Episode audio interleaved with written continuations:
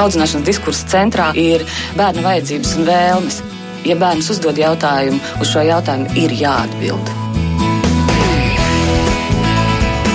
Mēs tiekamies ģimenes studijā.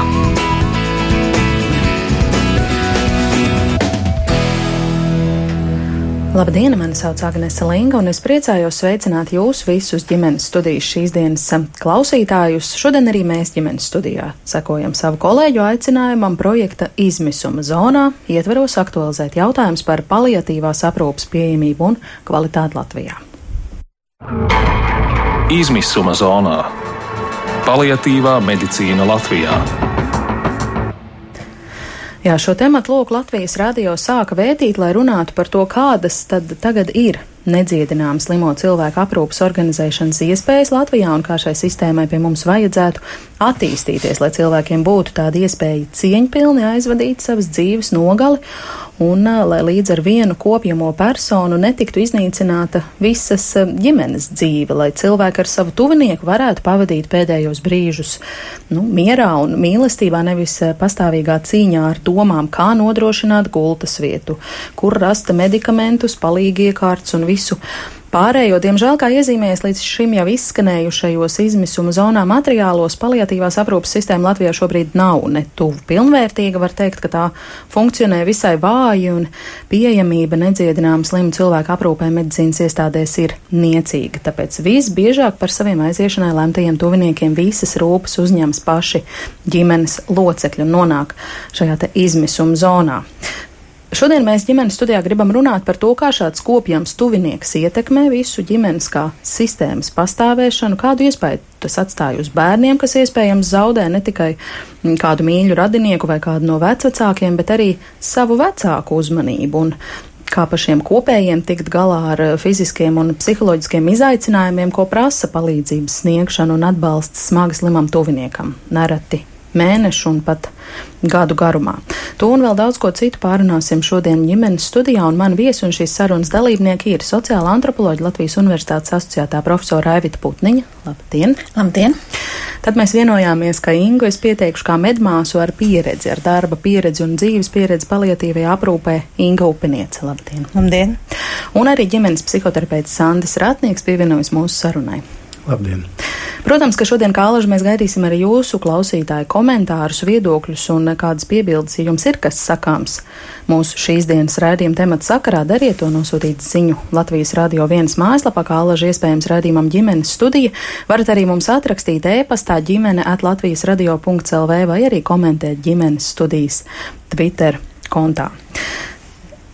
Es vispirms vērsīšos ar jautājumu pie, pie Aivitas no šīs antropoloģiskās paradigmas viedokļa vai paliatīvā aprūpe, nu, nedziedināms nedziedināma slimu cilvēku vajadzību apmierināšana. Tātad ir mūsu laikmetā ieviests pakalpojums, jo nu, nedziedināma slimu cilvēku viņa aprūpe mūža nogalē ir bijuši laiku laikos.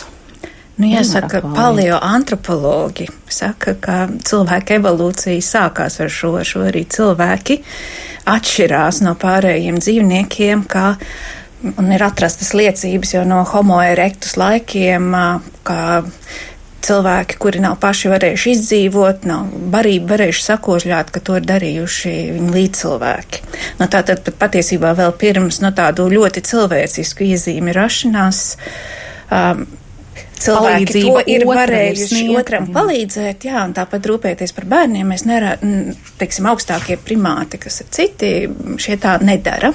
Bet jāsaka, ka 20. gadsimts un kapitālisms atkal mums eh, citādāk šo jautājumu liek uztvert, un, un mūsu laikā tā ir kļuvusi par nu, tādu kā problēmu, un, un ar, ar kuru mums ir jācīnās, bet tur ir ļoti daudz dažādu apstākļu, gan to, kā mēs saprotam slimību, kāda ir medicīna, kāds ir mūsu dzīves stils, dzīves kvalitāte, jo tagad mēs dzīvojam krietni citādāk nekā pat mūsu senču gadus 200 atpakaļ. Jā, mūsdienās par to vairs nerunā un cerams arī nedara, nu, piemēram, melnais joks par vecmāmiņu vai vectētiņu ragaviņās un uz mežu.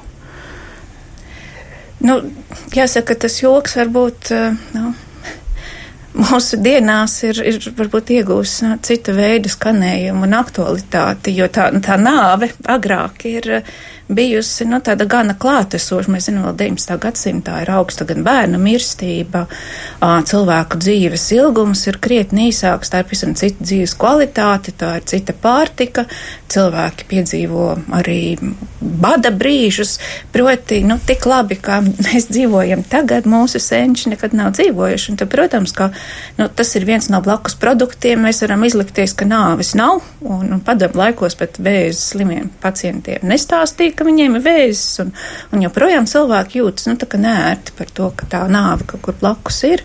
Un tagad tā ir kļuvusi nu, gan par tādu emocionālu jā, problēmu, nu, gan arī tīri praktisku problēmu.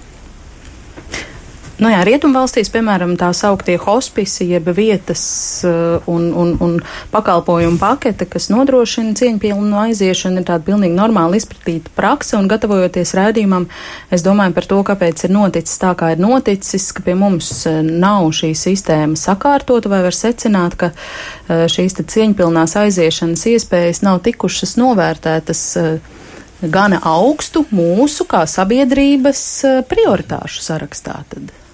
Nē, nu es domāju, mēs jau varam būt ļoti racionāli, cik, cik racionāli vēlamies. Bet tā lieta ir tāda, ka man liekas, ka nāve tā ir tāda teorētiski, filozofiski interesanta tēma, eh, par ko ir vērts padomāt. Es domāju, ka man šķiet, ka šajā attieksmē, tad, ja gribam, varam ieraudzīt arī nevēlēšanos par kaut kādām lietām domāt, kamēr viņas tā kā nepieklauvē pie mūsu durvīm tik nepārprotamā veidā, ka, ka par viņām nedomāt nav iespējams. Man personīgā pieredze bijusi sadarbība vairāk ar bērnu paliatīvās aprūpas biedrību, tādēļ es par to varu pateikt. Es eh, domāju, ka eh, bērnu paliatīvās aprūpas biedrība, kur eh, un, teiksim, arī tā vieta, šis pakalpojums, es domāju, gadu gaitā ir Tur ir ļoti sabrīnotos cilvēks, kas to darbu ir darījuši. Ir milzīgs darbs izdarīts vairāk kā 20 gadu garumā. Un tagad ir tā, es domāju, kas arī, man liekas, nepateikšu precīzi laiks, bet salīdzinoši nesen arī ir, ka šis pakalpojums ir pieejams faktiski arī visas Latvijas teritorijā, lielākajā daļā gan konsultatīvā veidā, bet ir arī mobilās brigādes, kuras dodas pie, pie ģimenēm uz mājām, ir mobilā brigāde Rīgā, Ventspīlī, Liepājā. Tā kā šis pakalpojums tieši bērnu paliatīvajā aprūpē, ir kļuvis pieejamāks. Un es priecājos par to, ka arī valsts e, to ir sapratusi un, un, un novērtējusi. Un tas darbs, ko cilvēki ir gadu desmitiem darījuši, ka viņš tagad man šķiet tiek vairāk saprasts un novērtēts. Ja, bet, bet tā doma par to hospice māju, tā ir tāda iecerē Ja, es teiktu, tā, piemēram, nu, es varu tīri subjektīvi pateikt savu, savu skatījumu. Piemēram, es teiktu, tā, nu, tad, ja cilvēks nu, pusmūžā vai gados, nu, ja aiz, viņam pienāk tas brīdis aiziet no dzīves, tad es teiktu, nu, iespējams, ka tas ir ok, ka tas notiek mājās. Ja, bet es domāju, tā bērniņa aiziešana, ja viņi notiek mājās, nu, tas varētu nebūt it nemaz labi tiem tuviniekiem, jo nu, es pieņemu, ka tas, tas, kas notiek ar bērniem, tas mūs ļoti personīgi skar. Jā, nu, tas vienkārši domāju, ir pretdabiski. Jā, jā, un tas, teiksim, tad es teiktu, ja tas bērns nomirs mājās, tad tas varētu būt stipri traumatiski nu, priekš tiem tuviniekiem arī nu, turpināt atrasties tajās telpās, jo tas viss tad, ja tā, es teiktu, tā hospice māja, es domāju, noteikti arī pieaugušiem cilvēkiem, ja, kad ir hospice māja, kur ir labi apstākļi, kur cilvēki tiešām var cienīgi, tā, saņemot visu nepieciešamo aprūpi, tā, to pēdējo stundu sagaidīt. Bet pie mums tādu nav. Tādu iespēju tā praktiski nav. Bet ieceri ir, es domāju, un kā, nu, vismaz par bērnu hospīsu. Mm -hmm. Es ceru, ka varbūt pēc dažiem gadiem kaut kas tāds mums varētu būt. Mm -hmm. Nu, jāsaka, tās vienmēr ir izvēles, un, un viena ir labas kvalitātes māja aprūpe, un būs arī cilvēki, kuri izvēlēsies par tuviniekiem rūpēties mājās. Un tad tas ir jautājums no tā, nu, kādā veidā cilvēki šīs attiecības veido, bet šai izvēlei ir jābūt. Bet šobrīd viņas nav. Jā, tā ideja tā, es domāju, Īsti. pamatā tā ideja tāda, ka, ka piemēram, runā par bērnu paliatīvu aprūpu, ka tā aprūpa pamatā notiek mājās. Ja ir krīzes situācija, tad aprūpe notiek slimnīcā, bet pamatā viņa notiek mājās, jo tā ir bērnam dabiskā vide. Bet tā doma par to hospice māju būtu par to, ka tajā brīdī, kad nu, tiešām tas brīdis tuvojās, ja, ka ir kāda vieta, e, kur cilvēki var doties e, kopā ar to bērniņu un tā, ka, nu, nedomāt par citām lietām, bet vienkārši kvalitatīvi pavadīt to laiku līdz tam pēdējiem brīdim. Mm. Ja tā, tā būtu tā nianse. No nu jā, bet, diemžēl, mums šobrīd ir jānoņem akcents no bērnu palietīvās aprūpes, jo, ja es... jūs sakāt, ka tajā tomēr ir uh, cita jā, situācija, tad mums progress, domāju, bet, bet, bet, bet, bet kopumā jā. es domāju, ka tā problēma, protams, ir daudz lielāka, jo es domāju, teiksim, ja skatītos šo problēmu tieši to bērnu, es domāju, tas noteikti no visas populācijas būtu samērā neliels procents uh, pretī, teiksim, uh, tam cilvēku skaitam, kuri faktiski, ka, kuriem ir smagas saslimšanas un kuriem vai viņi saņemtu atbalstu, vai viņa ģimenes saņemtu atbalstu tajā brīdī, kad, kad viņš ir visvairāk nepieciešams. Ja, mm -hmm. Jā. Eh, bet eh, liekot punktu bērnu aprūpē, runājot par, eh, par paliatīvo aprūpi kā tādu, kas attiecās uz pieaugušajiem un gados varbūt veciem cilvēkiem. Aivita, es pavaicāšu arī jums par to mūsu kā sabiedrības prioritāšu sarakstā. Šis acīm redzot nav bijis gan augstu, ja mēs neesam sakārtojuši to lietu. Jums ir viedoklis, kāpēc? Nu, mēs dzīvojam tādā sabiedrībā, nu, kur īsti nāvis nav. Un, un to arī Sants teica, ka, ka nu, nāve ir nedabiska, nomirt ir, ir, ir nedabiski, un tur ir nu, ļoti daudz dažādi nu, kultūras apsvērumi, jo nu, visās kultūrās arī šodien tā nav.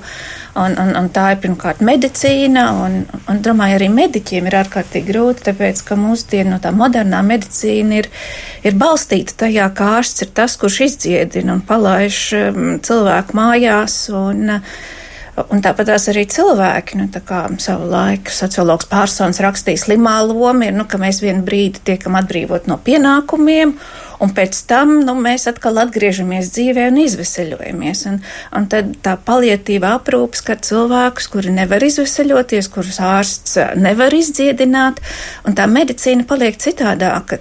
Tur ir gan, gan sociāli apstākļi apakšā, gan, gan arī medicīniski. Un, un Latvijā tā ir viena no lielākajām problēmām, ka šiem cilvēkiem ir vajadzīga aba veida palīdzība, ka tā ir vajadzīgs gan, gan, gan atbalsts, gan tuviniekiem, gan pašiem kopjamajiem cilvēkiem, un tas atbalsts ir vajadzīgs, nu, visāds no elementāra praktiska palīdzība, ko varbūt kvalificēts mediķis, nu, tā būtu izšķērdība, kas sniegtu, un tur vajadzīgi būt arī, nu, tiksim, sociālajie aprūpētāji, kur nāktu ģimenei palīdzēt, tur vajadzētu psihologu atbalstu, varbūt ir vajadzīgi priesteru atbalsts, kopienas atbalsts, un, nu, Latvijā šādi projekti bijuši, kad piecas gadus sens pētījums vidzemes reģionā. Mums bija šīs mobilās brigādes, arī pildīja šo lomu, bet nu, nelaime ir tāda, ka te ir veselības un sociālais sektors apvienots. Un, Un, un, un, un, un dažās vietās bija tā, ka tie sociālie darbinieki baidījās, ka viņiem atņems darbu, un, un, un, un viņi negāja kopā, un ka viņi gāja ap divu kopā, tas, tas likās tā kā līdzekļu izšķērdēšana. Bet, eh, nu, un, un tas, ka mēs varētu strādāt nu, uz kaut kādu mērķi un, un izprast tā cilvēka vajadzības, un, un, un kaut galā arī līdzcilvēki, kaimiņi, draudzes locekļi, tur ļoti daudz var palīdzēt, nu, nu ja mēs par to runātu, jā, nu, nu to situāciju varētu daudz, bet, bet, bet galvenā problēma ir, nu, ka mēs pat, pat, kad tas notiek ar mūsu draugiem vai tuviniekiem, mums pat ir ļoti grūti par to runāt un, un, un kā runāt ar slimu cilvēku. Mm -hmm. Es iesaistīšu Ingu sarunā. Pastāstiet, varbūt kāda tā jūsu darba pieredze, kā jūs nonācāt tieši šajā medicīnas nozarē, ja tā var teikt, palietīvi aprūpē? Nu, tas viss sākās ar, ar manu ģimeni, var teikt. Man mamma aizgāja visu viņu kopu nu, rūpējos, un tad pamazām vēl tuvinieki bija, kas slimoja arī viņus kopu, un es aizgāju tajā jomā. Bija mazi bērni, un es vienkārši sāku strādāt, man uzmeklēja cilvēki paši. Un, un tā jau visvairākās ģimenēs tagad strādāju. Ir bijušas visādas situācijas, gan, gan jaunāki, gan vecāki cilvēki. Mm. Kas ir tas, ko mm. jūs piedāvājat? Kādu palīdzību jūs sniedzat? Medicīnisku, mājas aprūpi, visu emocionālu, fizisku palīdzību. Es vienkārši daru visu no sirds un, Un kā saprotu, kā redzu, tā daru un, un ziņoju ārstiem un uh, savienoju visu ikdienas dzīvi ar, ar, ar ārstniecību. Un, mm -hmm. un kā starpnieks starp ģimeni un starp ārstiem. Un es visu pabītu, mm visu regulēju. Mm. Kā jūs redzat, kas ir tās tie lielākie robi šobrīd tajā, kā ir organizēta šī paliatīvā aprūpe, vai pareizāk sakot, gandrīz neeksistējošā paliatīvā aprūpe? Dažreiz, kad jābūt sistēma. gandrīz kā lūdzējiem, ka tu cīnies par to cilvēku, kad, kad nu, jūti, ka nav tā ieinteresētība ne, tu, ne no ārstiem, no ģimenes ārstiem. Kad, kad aizved atkal uz smagu uz nodaļu, tad tur atkal saņem pretī, kāpēc jūs tādu atvedāt. Un, tā, tāda mm. sabiedrības tā, tā reakcija nav pareiza. Ka tu cīnies, bet nu, tu atduries par to, ka, ka tu viens cīnītājs gandrīz esi. Mm. Kā jūs teiktu, kas ir tie lielākie fiziskie un emocionālie izaicinājumi, ar ko jāsaskarās, kopjot šādu nedziedināmu slimu cilvēku? Ir jāmāk gan atbalstīt, gan to slimo cilvēku, jādzīvo līdz viņam, pats to visu izdzīvo, protams.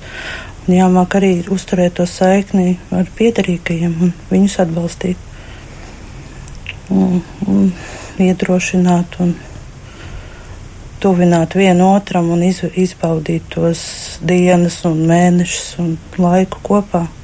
Mm. Cik ir ilgākais laiks, cik esat uh, strādājusi vienā, vienā ģimenē? ģimenē? Trīs gadi. Nu, jau tā trīs gadi, man pieci gadi kā mammas nav. Līdz tam es strādāju kā medmāsa un, un tā. Mm. Es domāju, pirms turpināsim eh, sarunu, noklausīsimies eh, kādu ierakstu ar savu stāstu, ar ģimenes studiju padalīties piekrita arī Linda Unāme. Lindas slimībai zaudēja savu mammu, kura saslima pirms diviem gadiem. Paklausīsimies. Mamma, mamma saslima cilvēks vecs, protams, gadi, bet nu ne tik daudz, 76. Bija apakšā visādi sirds problēmas un tā tālāk, bet atklāja aizkuņģi ļaunda bija gaudzējums, tad sākās tūskas un slimnīcas un, un, un viena problēma, otra problēma, nepārtraukti ārsti. Un bija smagi, bet nu, mums kā ģimenei, jā, mēs divas māsas un brālis, protams, visiem bērni, bet nu jau netik maziņi vairs. Patiesībā mēs atbalstījām viens otru, nebija tā, ka kāds uz kādu skatās, kurš dara vairāk vai mazāk, bet nu laiks paņem diezgan lielu. Pirmkārt, komunikācija ar ārstiem, jo mūsu slimnīcās nekas nenotiek, ja pie viņiem nē un neprasti un neuzstāj. Un, Nu, pēdējais gads bija tas smagākais, kad jau, nu, principā tur vairs darīt nevarēja neko. Bija slimnīca viena, tad bija paliatīvā aprūpe. Paliatīvās aprūpes nodaļā bija supermāsiņas, tvāmieras slimnīcā. Nu, protams, arī pašu līdzdarbību tur katru dienu no rīta vakarā, un tas paņem laiku, un, un nu, bērni paliek mazliet patstāvīgāki. Viņiem pašiem ir jātiek ar sevi galā, bet, nu, galā tikām. Un, un... Cik veci jūsu bērni šobrīd ir? Šobrīd ir 14 gadi. Tajā pēdējā smagākajā mirklī viņi bija 13 gadu veci, bet, nu, viņi, mm, kā jau ir skola, pulciņi, viss ir jāpaspēj, bet, nu, kaut ko paspēj, kaut ko nepaspēj. Pirms tam bija iespēja braukt ar mašīnu, tad bija jākļūst patstāvīgākiem, jāpārvietojās pašiem laiks, cik sanāca, kā sanāca. Bija jāpaliek mājās, jāpalīdz uh, māj, mājas darbos vairāk. Viņi zināja, ka jāuztais pašiem sev ēst, jo mamma būs slimnīcā līdz vakaram vēlam. Nu, bija tā, ka bija viena slimnīca, tad bija paliatīvā aprūpe desmit dienas, tad bija kaut kāds mēnesis mājās, kopiem, protams, jo viņi jau vairs nestaigāja ne ēdlāga. Bija jāsameklē pašiem tehniski visi palīgi līdzekļi nu, no ģimenes ārsta puses komunikācija maza. Beigās mēs tikām pie aprūp mājās, māsiņa brauca trīs reizes nedēļā špricēja un palīdzēja, ko nu varēja, bet, nu, palielam tas bija uz pašu visu iniciatīvu jānoskaidro, jo, nu, atsaucība no medicīniskā personāla nekāda, pat slimnīcā nodaļas ārsts nevarēja pateikt, ka pienākās tā paliatīvā aprūpe divreiz gadā tādiem slimniekiem. To mēs paši kaut kā un tad jau, kad bija galīgi traki, tad mēs saucām ārstos. aizved uz uzņemšanu, principā uzņemšanā sagaidīšana briesmīgi, ko jūs te darat, kāpēc jūs te vispārīgi saucat ātrus un tērēt mūsu laiku, jo jums ir pašiem jābrauc uz paliatīvo nodaļu. Bet, nu, paldies Dievam, norganizējām, saorganizējām. Tad, tad bija pēdējās dienas, divas, kuras mēs pavadījām paliatīvā nodaļā. Tad arī bija viss, jā. Tas brīdis, kad vecmāmiņa bija pie jums mājās, kā bērni to uztvēra un izjūta? Patiesībā ļoti saprotoši. Es gan es saku, ka es personīgi savam bērnam visu izstāstīju un teicu, ka, nu, kāda, kāda ir bērni, viņiem patīk skriet un bizot un darīties, bet, bet nē, bija, bija, bija saprotoši un palīdzēja, ko varēja un cik varēja. Un, protams, bija asariņi pa vidu, bet tā diezgan saprotoši, godīgi sakot. Varbūt viņa jau pietiekoši liela bija. Ko jūs eh, pati kā vislielāko fizisko vai varbūt eh, psiholoģisko izaicinājumu atceraties no šī posma? Nu, morāli tas ir drausmīgi grūti skatīties, kad tev tūs cilvēks mirst un tu labi zini, ka nekas nemainīsies. Un fiziski, jā, nu, slodze, darbs arī pa vidu, bet, nu, paldies Dievam, kolēģi saprotoši un beigās jau, nu, bija tā, ka vienkārši tās dienas varēja brīvas paņemt un pavadīt pienācīgi pie mammas pēdējās vēl, un, un tu sēdi blakām un skaties, un neko tu nu, īsti palīdzēt nevar, kā vien paturēt roku. Bet, nu, paldies Dievam, personāls palietīvās aprūpas nodaļā bija super. Viņi zināja, kad vajag zāles, lai nav jāmokās, jo, nu, tas ir fiziski smagi, ka tu redzi, ka cilvēkam ir grūti sāp, viņš jau vairs nerunā lāga, bet nu, to jau jūt. Nu, tas viss trakākais, jā. Nu, mājās mēs darījām paši, kontaktējāmies ar ģimenes ārstu, pretsāpju zāles, devām nevis injekciju veidā, bet tabletēs, bet, nu, tad, kad jau tas viss vairs nelīdzēja, tad bija uzņemšana otro reizi. Nu, jā, es prasīju ģimenes ārstam nomierinošās tabletes, bet es viņas nedzēru. Bija pēc tam process ar bērēm, visu, visu skriešanas un darīšanās. Un kaut kā vairāk ārpus mājas gribējās, gribējās pie jūras, svaigā gaisā, lai neviens, lai tu tiec galā savām domām. Neko tur nevar darīt. Dzīve turpinājās.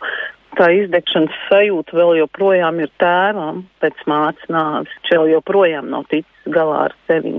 Tas ir nākošais smagais posms, cik es saprotu. Bet, nu jā, viņš netiek galā. Tad ir slimības, tad sāptās, tad sāptās, tad nekas nav labi. Nu, redz, ka tas jau tīri, tīri psiholoģiski.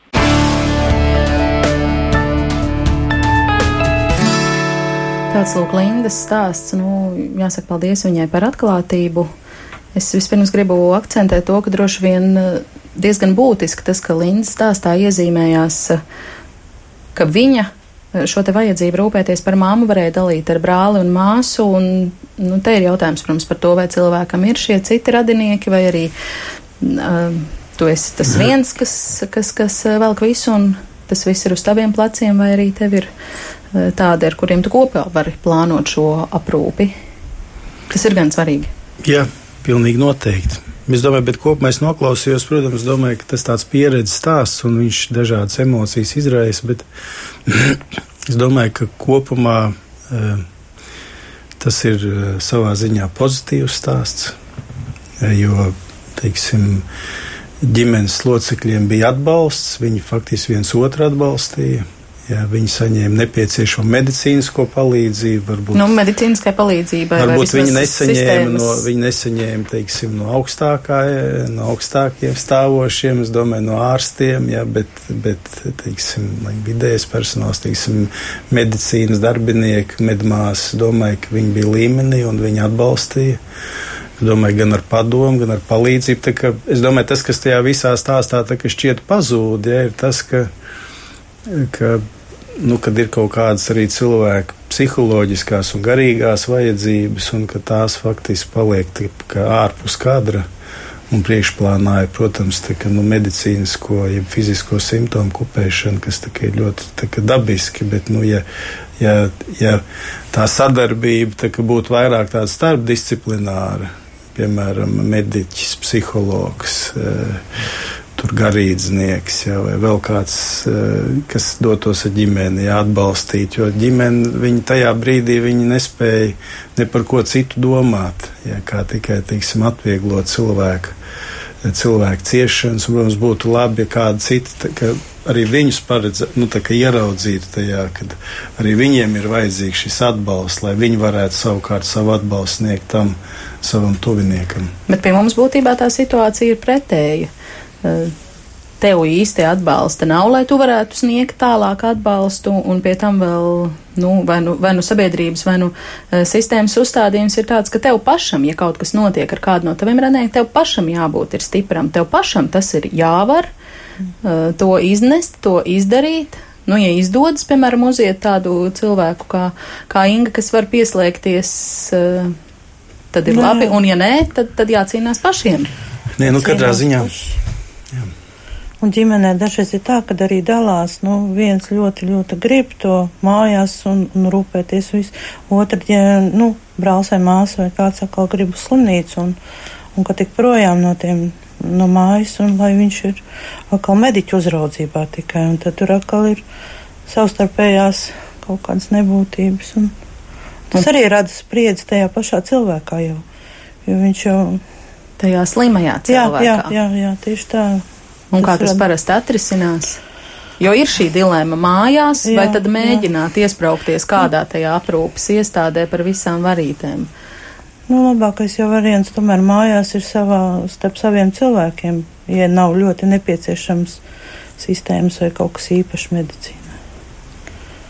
Es domāju, viena no tām lielākajām problēmām mums ir, tiksim, nesen man bija pētījums par veselības aprūpas sistēmas kvalitāti. Un, un tā nelaime ir, ka cilvēki jau nezina par tos pakalpojumus, nu, tos elementāros, kā varētu labāk dabūt valsts apmaksātos un kas viņiem vispār pienākās. Un, un kad vēl ir tāda situācija, kur tiešām ir nepieciešams ļoti specifiskas zināšanas, un tas ir ārkārtīgi atkarīgs no gadījuma un, un kāds ārsts ir. Un, nu, tagad es neesmu redzējis, skatījos, ka mums īsti nav pētījums, bet uh, es esmu dzirdējis arī daudz stāstus, kur, kur cilvēku pat izraksta no onkoloģijas nodaļas ar sāpēm ar, un, un neiedod atsāpinošas zāles līdzi. Un, un nepaskaidro, ka tādas gan ir pieejamas.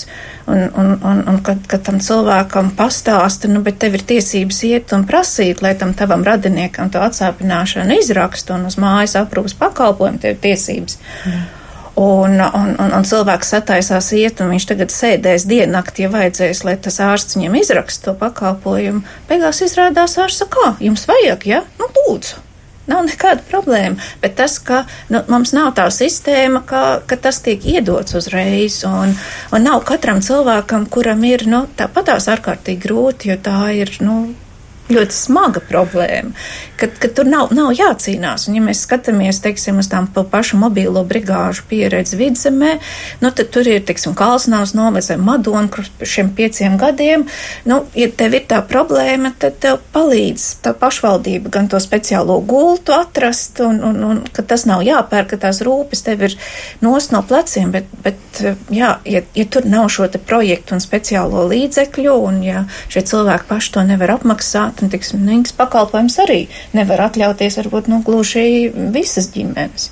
Un, un tur ir tas jautājums, ka, nu, tas ir elementāras, jā, cilvēku tiesības kas netiek nodrošināts, tāpēc, ka tas ir nu, tādā tā kā nu, zonā, pa ko mēs neviens negribam runāt, un, un kur īsti mums nav arī atbildības. Nu, gribam un mēģinam, vismaz tagad, vismaz Latvijas ne, rādio.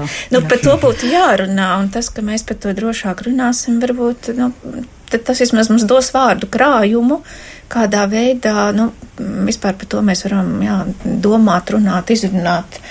Un, un ir jau mums arī brīvprātīgie, kas, kas strādā. Jā, jā, tā ka nav tā, ka jā. šī, šī joma, ka tur nekas nebūtu, bet, bet ir, jā, es domāju, ka tur, jā, ļoti daudziem šī pieredze ģimenē bijusi, un, un tikai mēs jā, klusējam. Ilga raksta, man zināmie vecie cilvēki visi saka, gribu nomirt mājās, un man kā savu vecāku bērnam gribas šo vēlmi respektēt. Jā, tas arī ir tas labākais variants. Bet ar atbilstošu atbalstu droši vien. Nu, jā, ir bieži gadījumi, kad ir arī pansionātā zina daudz cilvēks, kuriem ir pat astoņi un deviņi bērni, un kuriem neviens neatnāk pie viņa un tā viņš tur pavada savas pēdējās dienas, jo viņš nav uzturāms mājās. Ļoti daudz tādu.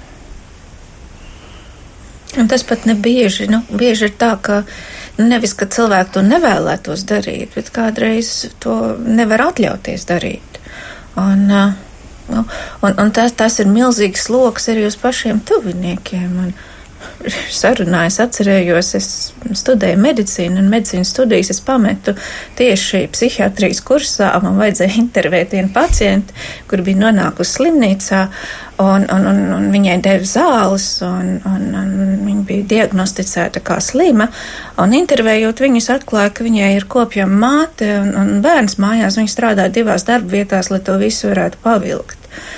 Un, un tas man bija tāds pēdējais piliens, ka es sapratu, ka tā medicīna nu, nu, ir pārāk ierobežota un ka mums šai sievietei teikt, ka viņas vienīgā problēma ir viņas diagnoze medicīniskā. Man tas likās ārkārtīgi neadekvāti. Un, un, un es domāju, ka mums nav jārunā tikai par tiem cilvēkiem, bet arī par tiem mājiniekiem un, un, un radiniekiem kuriem jā, arī kā, kā tajā gadījumā par šo tēti, uh, um, kuram tas ir nu, tāds trieciens, ka, uh, nu, ka, ka arī viņam būtu šis atbalsts un palīdzība nepieciešama. Jā, jā, Līnas stāsts noslēgumā iezīmējās šis aspekts. Māma ir aizgājusi, viņa dzīvo ar šo zaudējumu un cenšas to pārstrādāt, bet blakus ir tēcis arī cilvēks mūža nogalē, kas nespēja tikt pāri dzīves biedras zaudējumam. Un...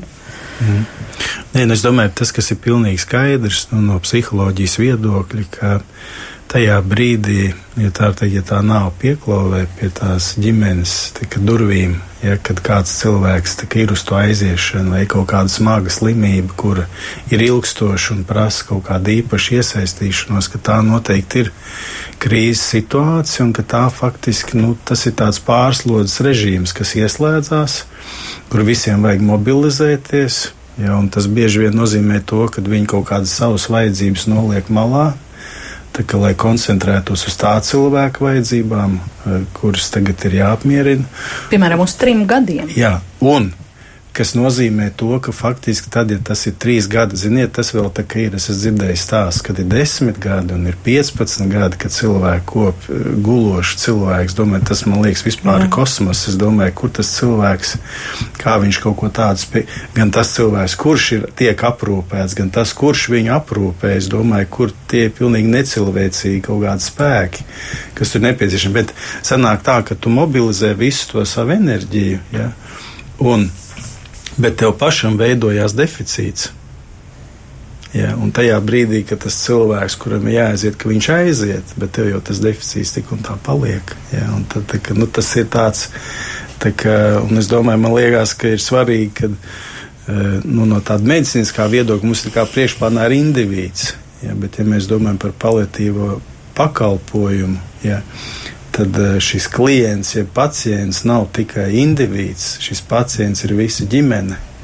Un man šķiet, ka ir nepieciešama to jautājumu. Es domāju, kā jau teicu, daudz cilvēku, no gan individuāli, gan organizācija, kur ir iesaistīti dažādos projektos, arī domāju, labdarības projektos, kur viņi atbalsta ģimenes, kur viņi dara daudz labu, bet tas, kas būtu vajadzīgi, man šķiet, ja to pacelt tādā valsts līmenī, uh, tā, ka, nu, kā pakalpojumi, ja, kādā veidā, un lai tie cilvēki, kuriem tas ir vajadzīgs, lai tā informācija tiešām viņus sasniedz. Nu, te fonā tā, es tomēr kaut kā pamanīju to tā vienu tēmu, kas ik pa brīdim tiek risināta par to, nu, ka tas ārsts, ja, ka viņš tika, faktiski ir tādā, nu, jau tādā izdegšanas režīmā, ja, ka viņam liekas, nu, kā viņam varēja neienākt prātā, ja, ka, teiksim, cilvēkam, kurš cieši sāpes, ja, ka viņam jāpiedāvā atsāpināšana.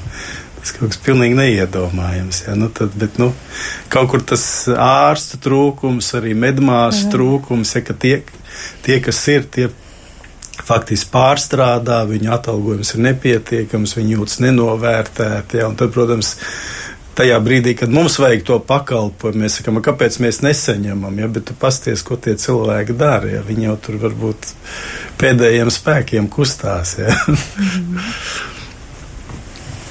Andrejs rakstamīgi izsakoties, ir negodīgi runāt par sabiedrības attieksmi, ja pat ārsts nemāk pateikt neko sakarīgu. Sabiedrība ir tā, kas visu saprot, valsts nesaprot. Valstī ir cits prioritātes, bibliotekas, dziesmu svētku guņošanas un visādas citas izklaides. Šī valstī par slimajiem domā tikai ziedotāji. Starp citu, šajā paliatīvās aprūpas kontekstā pēdējā laikā jā, dzirdam viedokļus par to pretnostatījumu, piemēram, ar kultūras e, jomu un finansējumu tai. Šeit arī tāda stīga jā, jā. ieskanās. Ja, nu, es domāju, man liekas, ka visgrūtāk es nezinu, vai tas ir objektīvi, ko es teikšu. Domāju, ka liekas, ka visgrūtāk ir tiem cilvēkiem, kuriem uh, ir. Ja tās, ja tā teikt, tās retās saslimšanas, kuras faktiski valsts budžet, no valsts budžeta netiek nekādā veidā apmaksātas, Jā, jo, teiksim, ir kaut kāda, ka tev pienākās tā palīdzība, un tu viņu nesaņem. Tad varētu jautāt, kāpēc. Bet es domāju, ka ir pietiekami daudz cilvēku, kur viņiem tās saslimšanas ir pietiekami retas.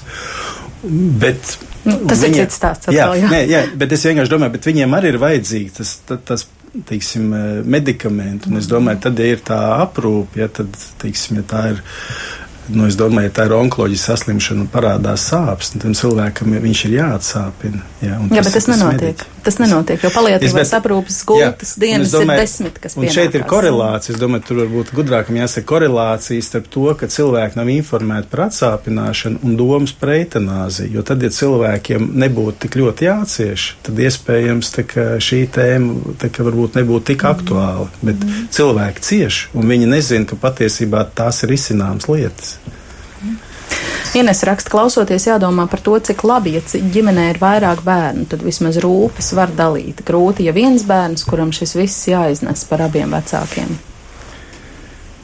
Nu, ziniet, es domāju, es teiksim tā, es teiktu, protams, man patīk, ka daudz bērnu, tas ir tāds kvantitatīvs rādītājs, bet kvalitatīvs rādītājs faktiski ir attiecības. Eh, un, un bieži vien, un, un ģimenes ļoti dažādas. Ja, kā Inga teica, brīži vien māsu brāļi. Ģimenes ļoti dažādas, un es teiktu tā, tad, ja vecāki, tad, ja tie bērni jūt atbildību par saviem vecākiem, es teiktu, ka tas nozīmē, ka vecāki ir daudz ieguldījuši, lai izaudzinātu tik labus bērnus ar tādu mhm. atbildības sajūtu. Jo ir daudz tādu, kas ir patērētāji un, un, Un tā, tā es domāju, tas nav tik vienkārši, bet tā ir taisnība, ka tad, ja katru tie teicienā, ka dalīt bēdu pusbēdu, dalīts prieks, divkāršs prieks, ja, tā, es domāju, ir situācija, kur mums vajag īpaši atbalstu. Un, un ir labi, ja ir e, tieši ģimene, kā, teiksim, paplašinātā ģimene, kā atbalsta sistēma, es domāju, ļoti svarīgi. Mm. Kādos, e, kādās situācijās cilvēki meklē jūsu palīdzību, Inga? E, tas ir tā, ka Eh, ka viņiem pašiem spēka nepietiek un nav šī paplašinātā ģimene, ir viens cilvēks, kuram jāuzņemās kopšana vai, vai, vai, vai dažādi tie stāsti? Dažādi stāsti, bet nu, pārsvarā ir eh, vairums tā, ka dzīvo attālumā nostī no vecākiem un tad noteikti vajag, nevar izbraukt katru dienu. Ir arī, kas uz vietas pilsētā ir bijuši arī tādi, ir, bet vairāk ir attālums taisni. Mm -hmm tas, kas tas paralizē dzīvi, jo, jā. ja tev ir darbs Rīgā un, un, un viss, un tev jātiek uz mazpilsētu, tas ir grūtāk krietni. Mm -hmm. Tas ir interesanti, ko mēs atklājam, ka tajā vietā, kur tie mobīlie pakalpojumi ir pieejami, viņi ir arī pieprasīti. Protams, un tur, kur māja prūps nav, tad pašvaldība saka, bet mums jau vispār nav arī pieprasījuma. Un, un, un Latvijā mums tad ir tā tendence, ka ļoti daudz no šiem bērniem dzīvo ārzemēs. Ja. Un tad ir tie, kuri visbiežāk var atļauties pat eh, nu, šo te visas nedēļas 24 stundu aprūpi saviem vecākiem sagādāt. Mm. Un te ir jautājums, nu, pēc, ja mēs skatāmies, nu, tā nav tikai medicīnas sistēma, bet, nu, tā ir mums ir, nu, arī pašvaldības, kurām tad tiem cilvēkiem, kuriem nepietiek ienākumu, nu, būtu pienākums eh, nodrošināt šo dzīves kvalitāti kvalitāti. Un, un tad šis te, nu, saskarsmes veselības aprūpe, pašvaldība un, un, un tās sociālie dienesti, un tad tie organizācijas veidi no nu, Latvijā ir ļoti daudz un radoši. Un es Sandra nepiekrīstu par, par, par, par eitanāziju. Par eitanāziju mēs varam runāt, tad, kad tā sistēma ir sakārtot. Jā, jā, par to ir tā, ir tā ideja. Es domāju, jā. tā bija tā, es negribēju to vilkt iekšā tajā sarunā, diskusijā, bet par to, ka tā sistēma ka viņa, es to biju dzirdējis, tā ir samērā izplatīta problēma, ka cilvēki, kuriem var medicīniski palīdzēt, lai viņiem nebūtu jācieš fiziskas sāpes, ka, tas, ka viņi nav informēti par to, ka šāda iespēja ir. Mm. Un, un es domāju, ka kad ir ļoti daudz teiksim, jādara, lai cilvēki, kuriem ir šis pakalpojums vajadzīgs, lai viņi to varētu saņemt, lai viņi būtu par to informēti. Ka viņi to var saņemt, mm. ja, un, kad, un ka, valsts, ka valsts to apmaksā. Un tad, kad tas ir sakārtots, ja, tad var domāt par citām, varbūt filozofiskām tēmām. Mm. Ansis raksta, es negribētu, lai maniem bērniem būtu jāredz, kā mirst viņa mīļie vecvecāki. Gribu viņus no tā pasargāt, lai paliek tas tēls, ko viņi atceras no skaistā kopā pavadītā laika, un tāpēc būtu jābūt aprūpes iestādēm. Es arī gribu jums uh, vaicāt jūsu skatījumā bērnus un šādu paliatīvās aprūpes situāciju mājās, ko un kā viņiem skaidrot. Nē, nu, es domāju, es varbūt vienkārši pateikšu, ir tāda grāmatās daudz par to raksti, tā tēma, piemēram, par to, vai bērnus vajadzētu ņemt līdzi uz bērēm. Nu, tā ir tēma, man liekas, par šo tēmu ir sarakstīts grāmatas, varbūt disertācijas. Ja. Un tas, protams, ir jautājums, domāju, ļoti filozofisks. Jo es domāju, ka par to, vai mums vajag vai nevajag, tas atkarīgs no bērna vecuma, no tā, kāda pamatdoma ir tāda, ka jābūt pieaugušam cilvēkam, kas ir adekvāts, kurš spēj nokomunicēt, kas notiek. Bet es teiktu, tā man liekas, ka tajā brīdī, ja mēs tagad sakām, nu, nu nevajag bērniem to redzēt, nu, ir varbūt lietas, kuras nevajag redzēt, to grūti pateikt, ja to leizi. Bet es teiktu tā, nu, kad. Uh, Nu, es nezinu, es piemēram daudz ko sapratu, tad, kad es aizgāju uz vecmāmiņas vai vecētiņu bērniem. Ja, es neteiktu, ka tas bija kaut kāds super, duper, baigi iedvesmojošais notikums. Ja. Bet tā pašā laikā es domāju, tā, tas ir kaut kas, kas pieder pie dzīves. Jā, un mēs redzam, teiksim, arī nu, mums ir. Nu, mēs priecājamies par bērniņu dzimšanu, jā, un, un, teiksim, un, un nav faktiski šī cikla mhm. noslēgums. Jā. Mm.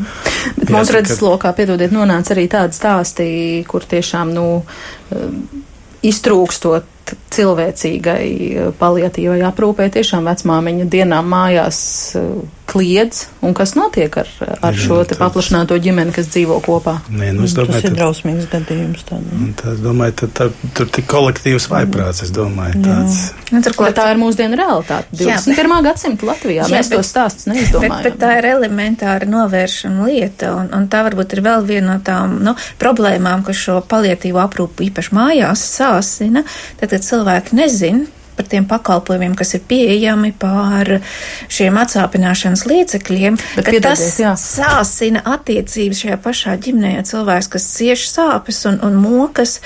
Um, tad, tad šiem te radiniekiem kopšana ir daudz grūtāk. Nu, es atceros arī manu mammu, kuri kopusi gan, gan savu mammu, gan savu krustmāti un, un, un, un, un to, kas viņai bija jāpārnes šo te, un, un, un cik tas būtu elementāri, es toreiz jau studēju medicīnu, es zināju, un, un vienkārši tajā laikā vēl, nu, tā bija, tas bija kosmos, tas nebija pieejams. Un, un, bet tas bija jautājums, ko būtu tik elementāri un, un viegli atrisināt, un kas neprasa nekādus tur milzīgus līdzekļus un, un, un ievērojami atvieglot visu ģimeņu, gan arī šo te cilvēku kvalitāti, jo tas ļauj sakārtot attiecības pirms aiziešanas, tas ļauj sagatavoties tam brīdim uh, un, un, un varbūt apzināties šo brīdi, kas, un tas ir laiks, kas ir vajadzīgs ģimenēm, un ka mēs bieži domājam par šo brīdi, nu mēs iedomājamies to kā tādu vājprātu, bet tā ir lieta, kas ir, nu, no mūsu medicīnas viedokļa menedžējama un, un ļoti cilvēciski sakārtojama, un, un te tā dzīves kvalitāte mums, mums ir, un ir jautājums, nu kāpēc, vai tā, tas ir vadlīnija trūkums, trūkums.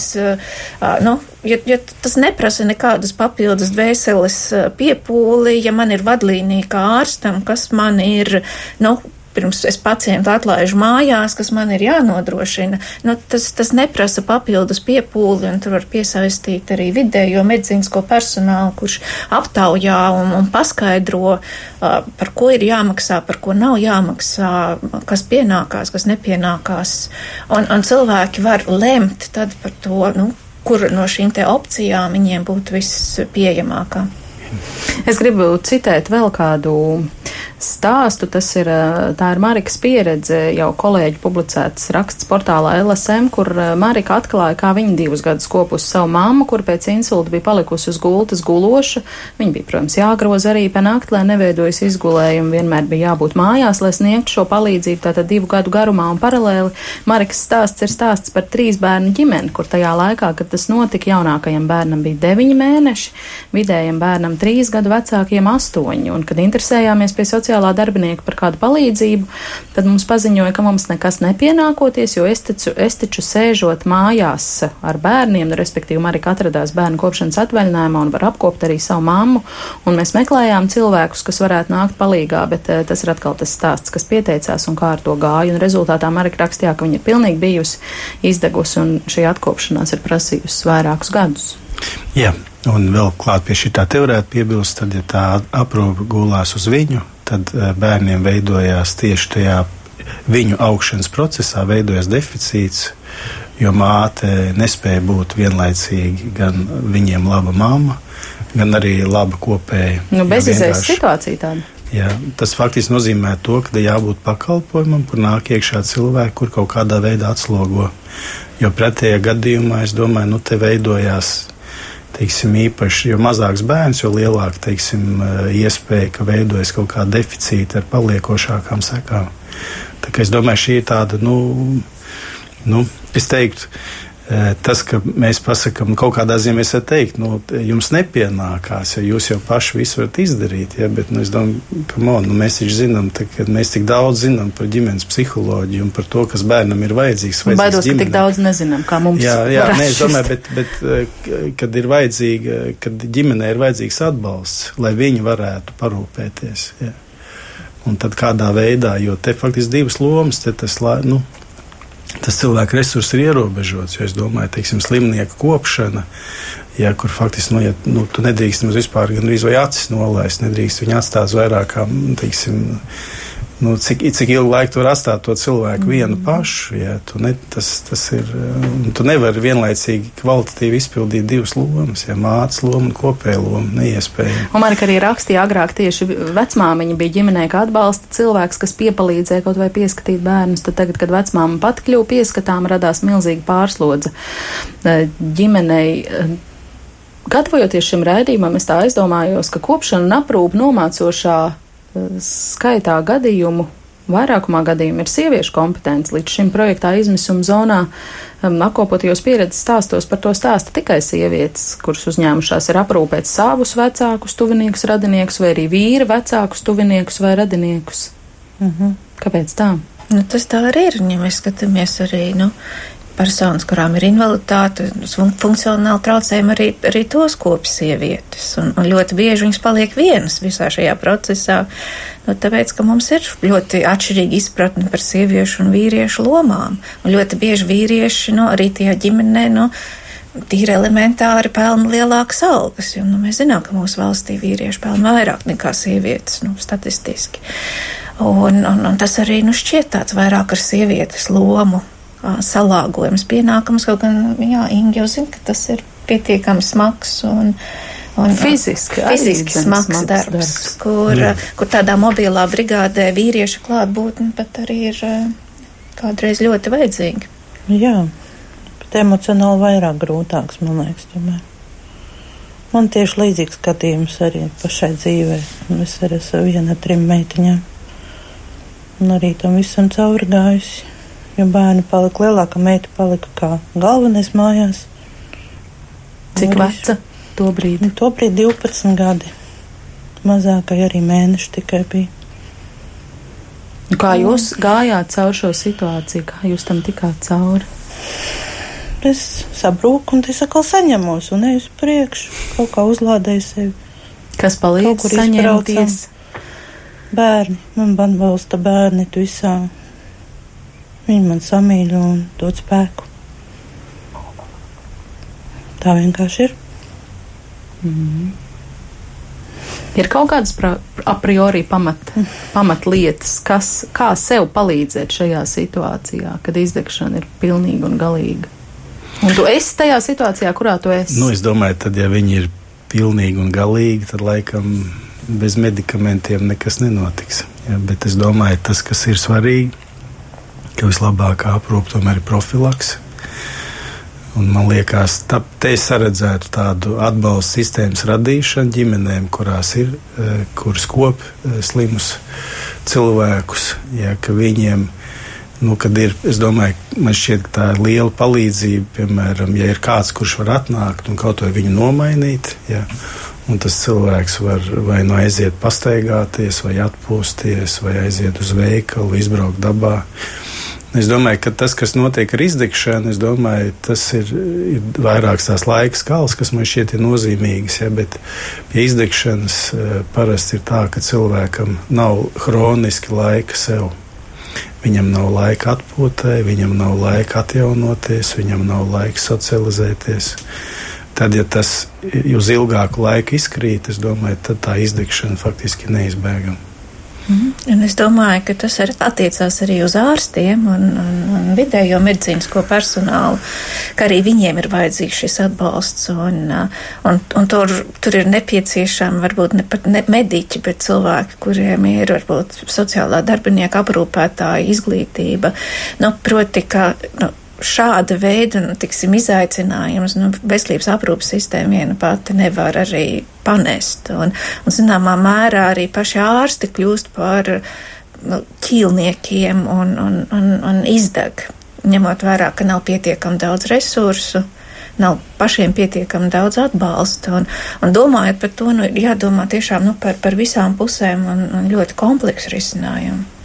Un tad, ja tiem ārstiem būs atbalsts, viņi, viņi zinās, ka to pacientu var norīkot, re, kur tur viņi pieņems tajā pašvaldībā ir dienas, kas par to parūpēsies, arī ārstiem būs vieglāk. Paldies! Mēs aicināsim turpināt šo sarunu kādu citu reizi. Galvenais ir neklusēt un dalīties ar šiem saviem stāstiem, vai nu rakstot mums, vai sūtot e-pastu kruspunktā, Latvijas radio LV, vai arī pievienoties diskusiju grupai izmisuma zonā sociālajā vietnē Facebook, ko kolēģi ir radījuši. Ģimenes studijā šodien viesojās sociāla antropoloģija Latvijas Universitātes asociētā profesora Aivita Putniņa, paliatīvās aprūpas Eh, darbinieks un medmās Inga Upiniec un ģimenes psihoterapeits Sandis Ratnieks, un no jums šobrīd atvadās arī ģimenes studijas autora kolektīvs Zvaigznes Mārtiņš Paegls un es Agnes Linka uz sadzirdēšanos.